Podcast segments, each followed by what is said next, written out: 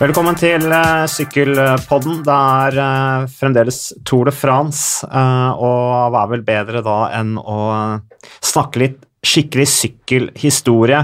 Og i studio i dag så er Dag Erik Hansen er med. Nei, Dan, ja, Dan Erik Hansen, mener jeg. Og, som jo er sykkelbohemen som, eh, som uh, også var med i uh, forrige sykkelpod. Og så er det Geir Stian Orsten Ulstein, som har tatt veien fra, hele veien fra Sørlandet, som har skrevet fem kritikerroste bøker om sykkel.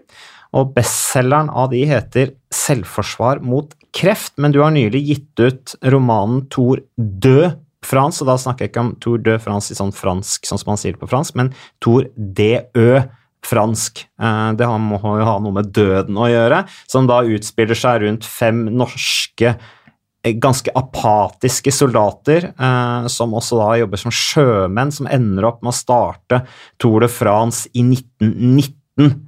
Eh, altså det første Tour de France etter første verdenskrig. Og første, eh, Gestian, er det sant at fem norske deltok i uh, Tour de France 1919, eller er det fiksjon? Dette er en roman, ikke sant? Eh, ja, en roman. Jeg vil egentlig ikke svare på det spørsmålet. Arkivet til Tour de France, det Ari de Grange, ble jo borte under uh, andre verdenskrig. Det forsvant i ruinen i Berlin. Så mye av det historiske materialet før andre verdenskrig er borte, så kanskje jeg kunne si nei, eller si ja, det er sant. Eller, men det kunne vært sant. Det er legende, altså? Ja, eller det er vel ikke det engang, men Nei. det er i hvert fall en fiksjon jeg har skapt da, om uh, hva som kunne ha skjedd. Og kunne, hvis fem norske deltakere plutselig hadde havna i Tour de France i 1919. Men uh, hva var det som ga deg uh, ideen til denne boka? Jeg husker ikke helt, men jeg skrev en, en essaybok om å sykle i franske bakker som het 'Drømmenes fjell', som du skrev, for, forordet. skrev forordet til. Ja, stemmer.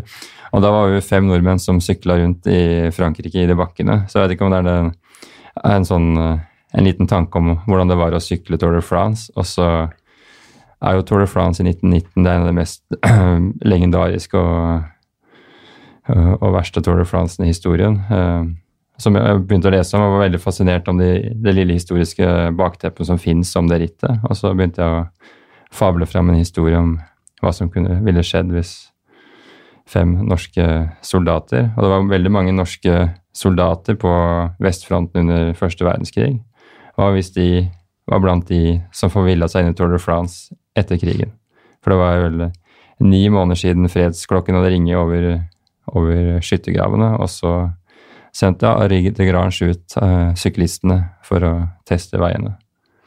Uh, Dan Erik, uh, hvor mye kan du om sykkelhistorien?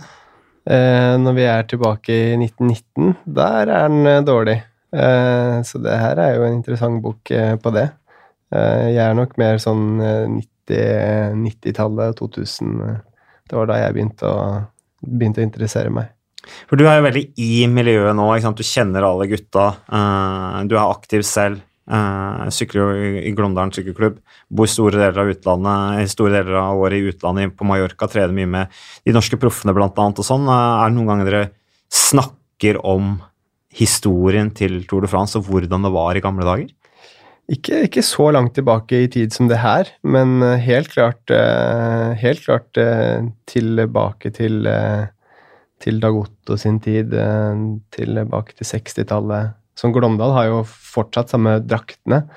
Eh, og du ser jo alle TVK i Trondheim går tilbake til gammelt design. Fana går tilbake til 60-tallsdesign. Så historien er jo Den blir jo dratt fram i, i, disse dager. Det er retro som er inn. Retro er veldig inn, det vet vi. Men uh, Geir Stian, uh, boka, og jeg leste den kronikken du også skrev i uh, Aftenposten, er jo, det er jo fascinerende. Jeg, jeg syns det er fascinerende da, med, med sykkelhistorien. Uh, og det forteller jo kanskje Jeg syns det forteller litt om altså Historien forteller jo litt om hvordan toren er sånn som den er i dag. Og særlig Tour de France-arrangørene er jo flinke til å hente fram mye dramatiske film, video, sånne ting som de viser også underveis i dag. For de er opptatt av å beskrive uh, torens historie.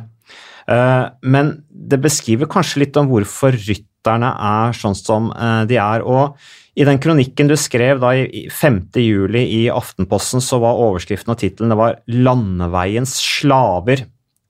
Tour de France 1919 var tidenes hardeste sykkelritt. Kun 10 av 155 fullførte, var da overskriften og, og tittelen der. Og Tour de France handla altså om touren i 1919. Et ritt hvor da 32 deltakere ikke stilte fordi at de var drept i krigen, eh, inkludert da tre tidligere vinnere.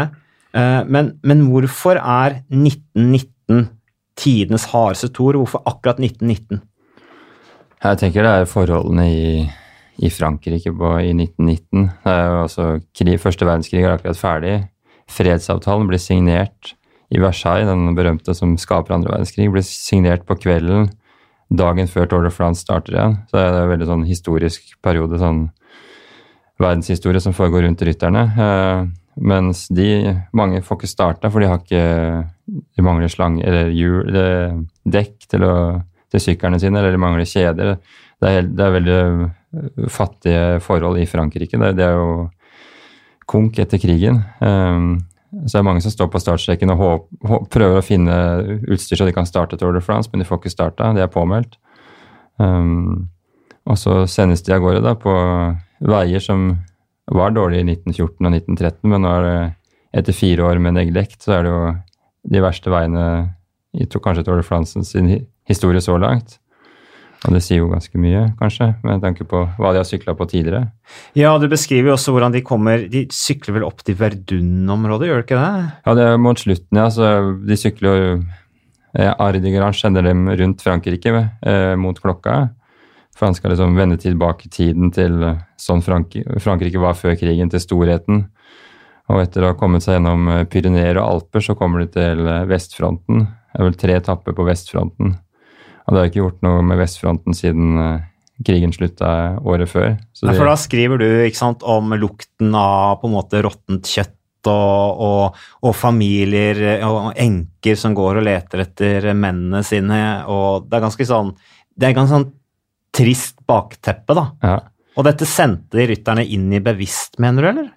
inn i disse områdene som var herja spesielt av krigen? Ja, jeg tenker det. De valgte, visste jo hva de sendte dem ut til, og de, han planla ruta nøye. Han måtte jo også gjøre det for å klare å få dem gjennom den infrastrukturen. Var jo nesten borte, så det var jo innimellom så måtte de sende dem over på planker over der broene skulle vært, osv. Så, videre.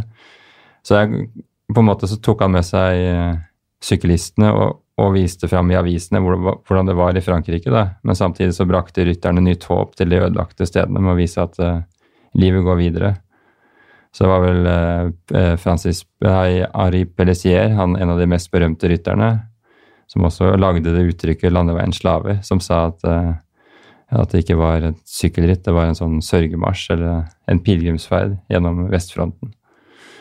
Så det er ganske brutalt. og Når vi sammenligner Tour de France i 1919 med i dag, så blir jo, det blir jo det blir jo komisk nesten, for det er så groteskt forskjellig. Men det er det samme rittet. Ja, for i 1919 så var altså rittet var over 5000 km. Husker du nøyaktig hvor langt det var? 5500 var vel det de hadde tenkt, men de sykla vel litt feil og sånn, for de sleit litt. Så det ble kanskje litt lenger. Men på 15 etapper. Ja. Så dagsetappene var da altså De lå vel på rundt 480 her, f.eks. Eh, femte etappe. Og så må jeg tenke at eh, Tour de France er veldig konservativt. Det er veldig flink til å dra, dra fram historien. Det er jo bra, men samtidig så vil det helst at det skal være sånn det alltid har vært. Og grunnleggeren Ari Pellis eh, Descrange han var veldig opptatt av at sykkelen den skulle ikke være til hjelp for syklisten. Så han var veldig mot giring, da, f.eks. At du skal ha flere gir. Han har tillatt at du kunne stoppe og så kunne snu bakhjulet, og så får du et annet gir litt lettere. Um, men var veldig mot giring på ramme osv. Det var veldig flere gir enn to. Ja, det var for pyser. Ja, ja Sykkelen skal heller være, til, være, en del av utfordringen enn et hjelpemiddel for å sykle gjennom Frankrike. Han hadde jo snudd seg, eller han snur seg vel i graven når han hører om ryttere som nå sykler med da 28 tenner og så videre. Og jeg, jeg husker jo i gamle dager, eller, når jeg også sykla, så måtte vi krangle med ledelsen i Arcol for å få 25 krans. For de mente at hvordan i all verden skal vi komme oss opp fjellene hvis, hvis vi har 25? Hvor sakte hadde vi tenkt å sykle? Og argumentet De mente det holdt i massevis med 23, og viste da til I gamle dager sykla vi med 21, liksom. Da får dere jammen klare dere med 23. Men, eh, men eh, du, du, skriver eh, følgende Aftenposten-kronikken. Oppfinnelsen av Tour de France var med på å brolegge veien mot første verdenskrig, og rittet bidro til krigens vesen Samtidig var rytterne blant de første til å bringe normalitet tilbake til frontavsnittene etter krigens slutt. Hva mener du med det? Mm, hvilken av de tre? Men det siste at de var noen av de første sivile som bevega seg inn på vestfronten sammen med enkene. Ehm, de enkene som var der for å lete etter mennene som var borte. Mm. Ehm, men syklistene, de hadde jo Så det var tre ritt som var, var på vestfronten det året. Det var Paris-Roubais, og Det er da vi får det helvete i nord, for det var ikke pga. brostein, men det var pga. synet som møtte rytterne den våren når de sykla inn i mot Robé. ja, for da var alt ødelagt av krigen? Alt var ødelagt av krigen. Skyttergraver og nedbrente hus og Nei. Jeg husker ikke hvor mange franske landsbyer som var ødelagt, men det er jo mange tusen. Um, og så var det et sånn fire dagers ritt for freden. Um, og så kom Tour de France på sommeren. Og sånn sett så det var jo nesten ikke folk igjen der, men det begynte å vende tilbake til de gamle stedene. Og så kommer og så kanskje folk som var litt usikre på hva de skulle gjøre, så ser de at Tour de France sykler der, så det må jo være levelig å dra tilbake dit.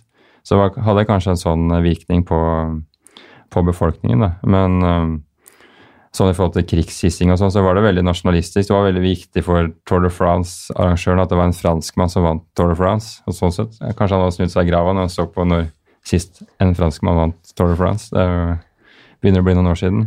Ja, for det skriver du også her. Du refererer til et sitat fra arrangørene av, av Toren. Det var Henry de Grange da, som skrev dette i Leotto i 1914, altså før krigen. Så, så, så, så er det da altså arrangørene av Tour de France skriver følgende.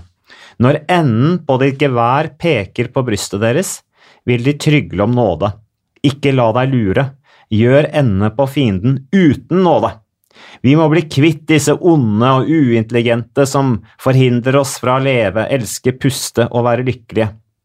Det er, også, er det Henry de Grange som skriver det i sykkelbladet sitt da, i 1914. Og det er jo liksom, Da, er vi liksom, da, da, da snakker vi, når det er det engasjementet der. Men hva, altså, var Toren en politisk aktør, eller var arrangørene på en måte en politisk aktør og en krigshisser, som du var litt inne på? Jeg tenker bare at du ser på at nå skal vi inn i fjellene snart på, i Tour de France. Um, og bare det at, det, det at de tok med fjell, var egentlig en sånn politisk eh, årsak av politiske med Tour de France. For da fikk de muligheten til å sykle inn i Alsace i 1905. Og Alsace var egentlig tysk. De hadde tapt i 1871. Og så sa tydeligvis tyske myndigheter ok, de kan få lov til å arrangere Tour de France inn i Alsace. Og da tenker jeg det var sikkert veldig stort for arrangørene at ok, de innrømmer at egentlig så er landområdet fransk, og nå sender vi rytterne inn her i Tour de France. Men i Alsace så er det veldig bakkete, som vi så på Tour de France i starten nå. Eh, så de sykler vel over Grand Ballot. Og ingen som trodde at eh, noen skulle klare å sykle opp de bakkene. Nei, det var jo første fjellet i Tour de France. Og så regner med at det skulle bli en gåkonkurranse. Og så ble René Potier sykler jo opp hele bakken, og det blir jo sensasjon i avisen, og det selger jo masse eksemplarer. Og så begynner du å utvikle det med bakker. Da, med ok, hvor ille kan vi gjøre det, på en måte. Og så er det noe som heter Pyreneer og Alper, og så er det bare å gå i gang. 1913 var første gang de syklet inn i Pyreneene med Tourmalet. Ja. Og da var jo arrangørene redd for altså De visste at det kom til å bli hardt, men de var jo også redd for at rytteren skulle bli spist av bjørn. Ja, de sa jo de skulle sende rytterne så høyt som ikke engang engler kunne sveve. så det var sånn det var Brutalt. Det var, men det var jo for å selge aviser, da. selge Lauto. Um, så det er den politiske undertonen. Han er veldig fransk og, og veldig nasjonalistisk, uh, Ari de Grange. Men han, i første, han, deltar i første verdenskrig som menig og blir forfremma gjennom uh, innsatsen på vestfronten, så han får jo merke, merke krigen ganske godt, han òg. Så det kan hende det er en sånn, sånn bot, botøvelse også når han sender rytterne ut i 1919. Men uh, hans drøm var å lage Tour de France som kun én rytter fullførte, at det franske landskapet skulle kåre vinneren og hindre at alle kom i mål unntatt én. Så Men det skjedde aldri? Det nærmeste vi kommer, er i 1919, når ti fullfører. Så Men uh, du stiller også da, med tanke på all den lidelsen de måtte igjennom, da, disse stakkars rytterne, uh, så sk skriver du her i, i, kronikken din i Aftenposten uh, i forbindelse med denne boka du har skrevet, 'Tour de Frans'. Hvorfor gikk europeerne med på å massakrere hverandre i stor skala gjennom fire år, med bl.a. over 1000 drepte daglig på vestfronten i ett og et halvt år i strekk? I Tor-deltakernes holdning før krigen er det svar å spore. Hos sykkelrytterne fantes en hang til å godta byrdene arrangørene hauset på dem, uansett hvor umenneskelige. Er det derfor du kaller da rytterne for landeveiens slaver? Du er litt inne på det før jeg begynte å sitere det her, men altså at de finner seg i alt. Ja, Nå sender dem inn i Tourmalet i 1913, og rytterne skriker 'mordere'. Dere eier ikke skam i livet osv. Ingen, ingen mødre burde få lov å se sønnen sin idet han kommer i mål i Tour de France. Men de, de, starter jo, og de har ikke noe valg, for de er jo ofte fattige fabrikkarbeidere eller gruvearbeidere, så de kan velge mellom å lide på landeveien, men med den lille glamouren som kaster av, det kaster av seg hvis du lykkes, eller så kan de dra tilbake til fabrikken eller gruva. gruva. Men Dan, er, er sykkelryttere litt sånn i dag også? At de er litt sånn De, de, de, altså de elsker det de driver med. Uh, de vil bare konkurrere. De kjemper om å liksom beholde, komme inn i profflag. De kjemper om å beholde plassen sin på laget. Er det sånn at Kjenner du deg litt igjen i fortidens ryttere, i dagens ryttere? At de er sånn som Ja, de selvoppofrende, de finner seg alt. Hva tenker du om sykkelhistorien? Er, det, preger det på noen måte dagens ryttere? Eh, du ser i hvert fall igjen eh, veldig enkelt på de som er klassikerryttere, da. At eh, de kanskje har en litt mer tilhørighet til historien, de som liker brostein. De som presterer godt på Gylne gutter, grusrittene her. De som er virkelig krigere, da du, eh, det er jo ikke mange som kommer i mål på disse rittene i Norge heller. Det er en 20-30 eh, stykker hvert år. Eh, det er klart det var mye mer brutalt før, hører jeg, men, men du ser jo igjen at det er, det er de samme som går igjen i hvert ritt i Norge, og de rittene jeg kjører, som, som kommer i mål på disse skikkelig harde rittene med, med grus og dårlige veier, og de rittene som krever det lille ekstra. Så det er jo kult at man kjenner igjen de typer rytterne. Men er det ikke sånn, du har jo bodd en del i utlandet og sett sant, en del utenlandske, kanskje amatørsyklister, som, som, gir alt da, uh, for å på en måte uh, prøve å komme seg inn på et større lag. Uh, som De er på en måte liksom dømt til å sykle, og de går all in på syklinga. De har ikke noe annet å gjøre. Og så blir det på en måte til slutt nesten en forbannelse for dem. Det ser man kanskje mer i, i, Spania og sånn enn det man gjør i Norge. For i Norge har man kanskje det at det, det fins andre alternativer. Mens utenlandske ryttere, eh, colombianske ryttere f.eks., der er det sykkel for å forsørge familien fortsatt. Eh, det betyr så uendelig mye mer da, eh, enn det gjør for enkelte ryttere i Norge. Vi får det jo ganske enkelt nå i Norge. Du ser jo alle juniorsyklistene har jo beste utstyret. Det, det er ikke når du blir klubbrytter i Norge og opp til kontinivå, så er det, det er ikke så stor forskjell på utstyr og profesjonalitet. Mens i utlandet så er det Der må du virkelig ta i for å få, få det litt bedre. Det er mye mer spartansk eh, i, i, Spania og i utlandet enn det er i Norge. Men tror du alle unge ryttere også, la oss ta Norge som eksempel, hadde hatt godt av og kunne litt mer om sykkelhistorien. Du kan jo ikke så mye om det, du Nei, heller. Men, den, uh, men når man hører om den boka her og den historien her, så burde det nesten vært pensum uh, i Norge. Du burde fått utdelt den med sykkellisensen, kanskje, uh, for å vite hvor jævlig det faktisk var før. så klager man kanskje ikke på så mye når det regner på en langtur. Men hvordan var datidens La oss si ta 1919, første Tour de var 1903. Hvordan, hvordan, var datidens utøvere? Hva slags mennesker var de? Hmm, de var nok litt sånn sykkelbohemer, da, på en måte. At de hadde jo valgt De var ofte fra fattige kår, og så hadde de på en eller annen måte fått prøve sykkel, og så hadde de vist talent for det. Og så er det noen som Det var jo profflag der folk som betalte deg for å sykle, for å reklamere for sykkel, for det var jo veldig det var jo veldig salgsvare. Hvis du sykkelen vant Tour de France, så solgte det plutselig en million sykler i Belgia, holdt jeg på å si. Så det var med å finne de talentene, eller være det talentet da, som et profflag plukka opp. Og det blir jo som i dag, på en måte, at det viser deg fram. Um, men du måtte være veldig hardfør. hardfør Bartal er jo mye, mye seinere, men han sier jo at uh, må tåle, tåle å være ensom, på en måte, å sitte på landeveien i time ut og time inn og være i et eget selskap. Han likte kanskje å røyke mens han gjorde det. Han fikk litt sånn selskap av sigaretten, og det, det, gjør man ikke i dag, da. Men uh, Nei, for i dag er det jo ikke de ensomme solobruddene i samme grad som kanskje tidligere, med de avstandene som var, hvor de kom en halvtime foran hverandre og sånne ting på enkelte etapper. Nei, eller mulighet til å jukse, ikke sant. At du, du, kommer så langt foran at du kan begynne å ta toget uten at noen merker det. Um, det er litt vanskeligere i dag. Um, så, ja, for den første som ble satt for Tour de, eh, juks i Tour de France, han tok toget.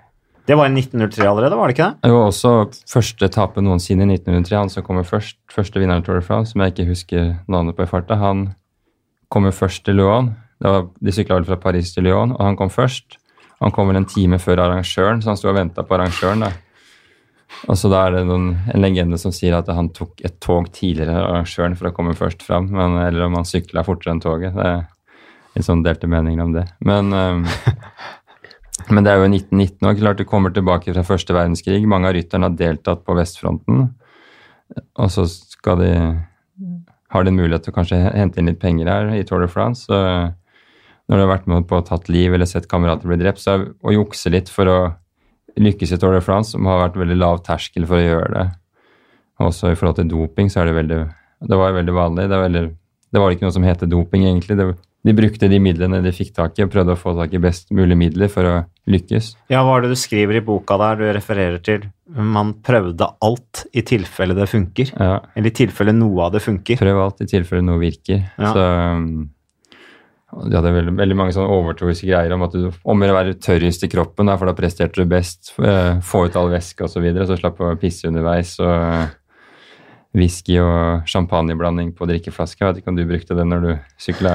Nei, men champagne og cola har jo blitt brukt i altså, ganske moderne tid. Ja. Det sa jo Jørg Jaksje bl.a. når han har på en måte fortalt om sin erfaring med dopingpreparater. Ja. At det var noe de brukte. Det er ikke noe jeg har uh, prøvd eller anbefaler, men, uh, men uh, ja, alkohol har jo Det har jo alltid vært mye brukt underveis på etappen i Tour de France sånn historisk sett, men det har jo også noe med å unngå å bli syk. ikke sant? Dette her At det var mindre sjanse for å få magetrøbbel hvis du drakk alkohol enn vann, som kanskje eh, man ikke var helt sikker på om var reint og sånne ting. Ja, altså det er en annen tid. altså Det er vanskelig å sette seg inn i Akkurat sånn når man ser Tour de France i 1919, altså det er veldig vanskelig å, å, å, forstå nesten hva de driver med når de sykler rundt der med 450 km lange etapper og på grusveier på det beste, eller stier over fjellene. og Bilene kommer nesten ikke opp bak dem osv. Så, videre. så um, bare sånn med forhold til alkohol og, og, i dag, det er veldig vanskelig å sammenligne. Tom Simpson, hvilket år var han døde? 67 eller 68? 67. Ja, Montentua. Han drakk jo konjakk og kombinerte det med amfetamin. Ja. Er det man sier da?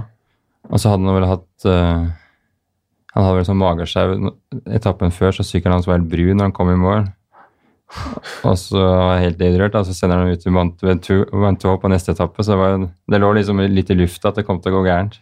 Det var en ekstrem eh, rovdrift på, på rytterne. Du skriver videre jeg refererer fremdeles til kronikken din i Aftenposten. Måten rytterne godkjente slitet, ligger i en avhumanisering som også gjenfinnes i andre deler av det industrialiserte samfunnet i denne perioden. Eh, og så er spørsmålet da, er det derfor sykkel også hva tenker du, Er det derfor også sykkel blir beskrevet som arbeidernes sport? At det på en måte henta ut sånne Ja, For det første så var det Det, kom, det er jo fabrikk fabrikkene popper opp, og folk blir veldig sånn Det blir bare en liten sånn drivhjul i hele, hele skaperverket eh, for eh, fabrikkeiere. Og syklistene var små drivhjul for eh, La Auto, som skulle selge sykkelaviser. Så det var viktig å, viktig å sende dem ut som og gjøre et eller annet som ble spektakulært, som man kunne skrive om. Da. Eh, det var ikke så viktig hva, hvordan rytterne følte det, så lenge de led, og så lenge det så bra ut i avisa dagen etter, på en måte.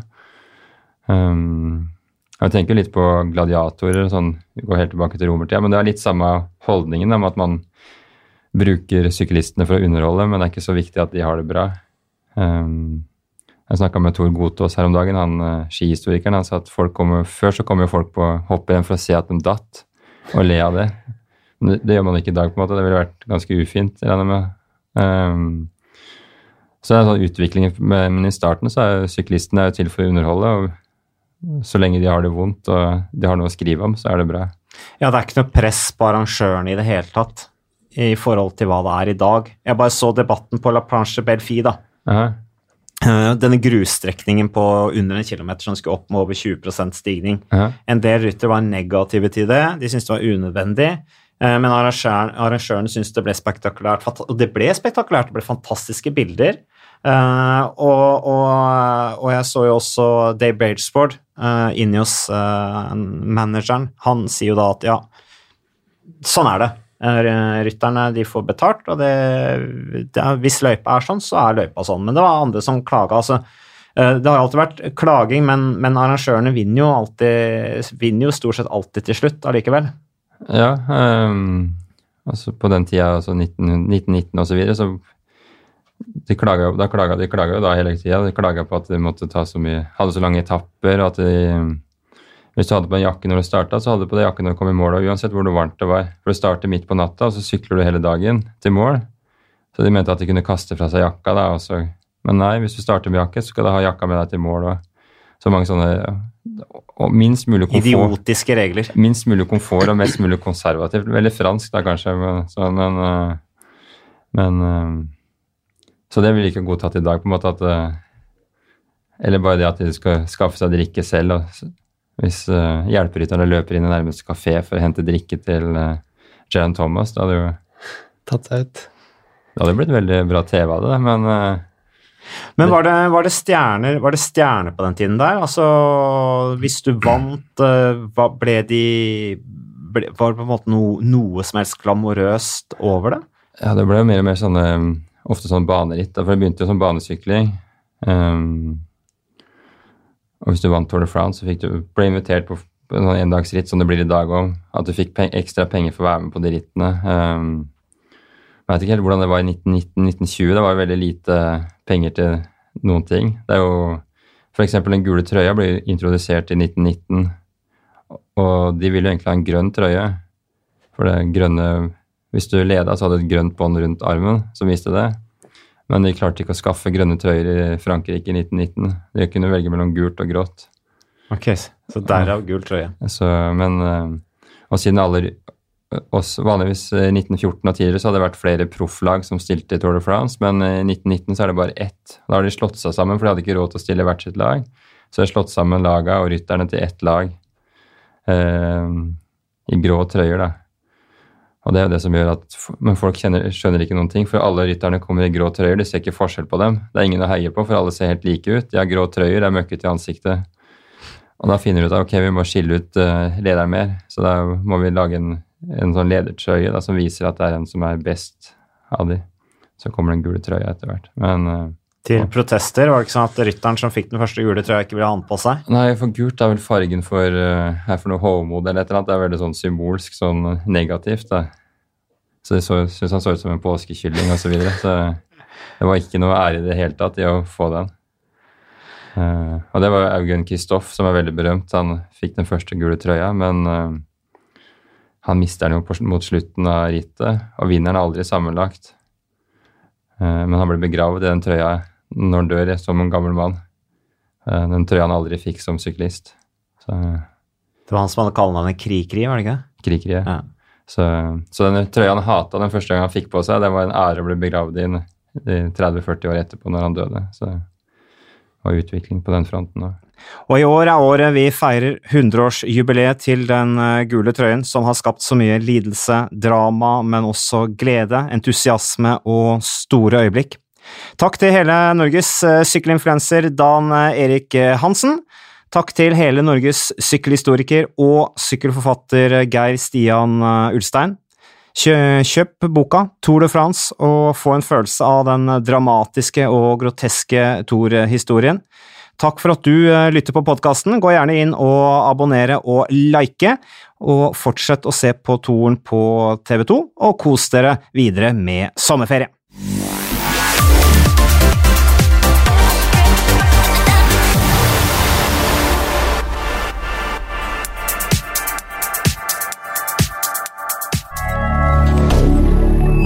Moderne media.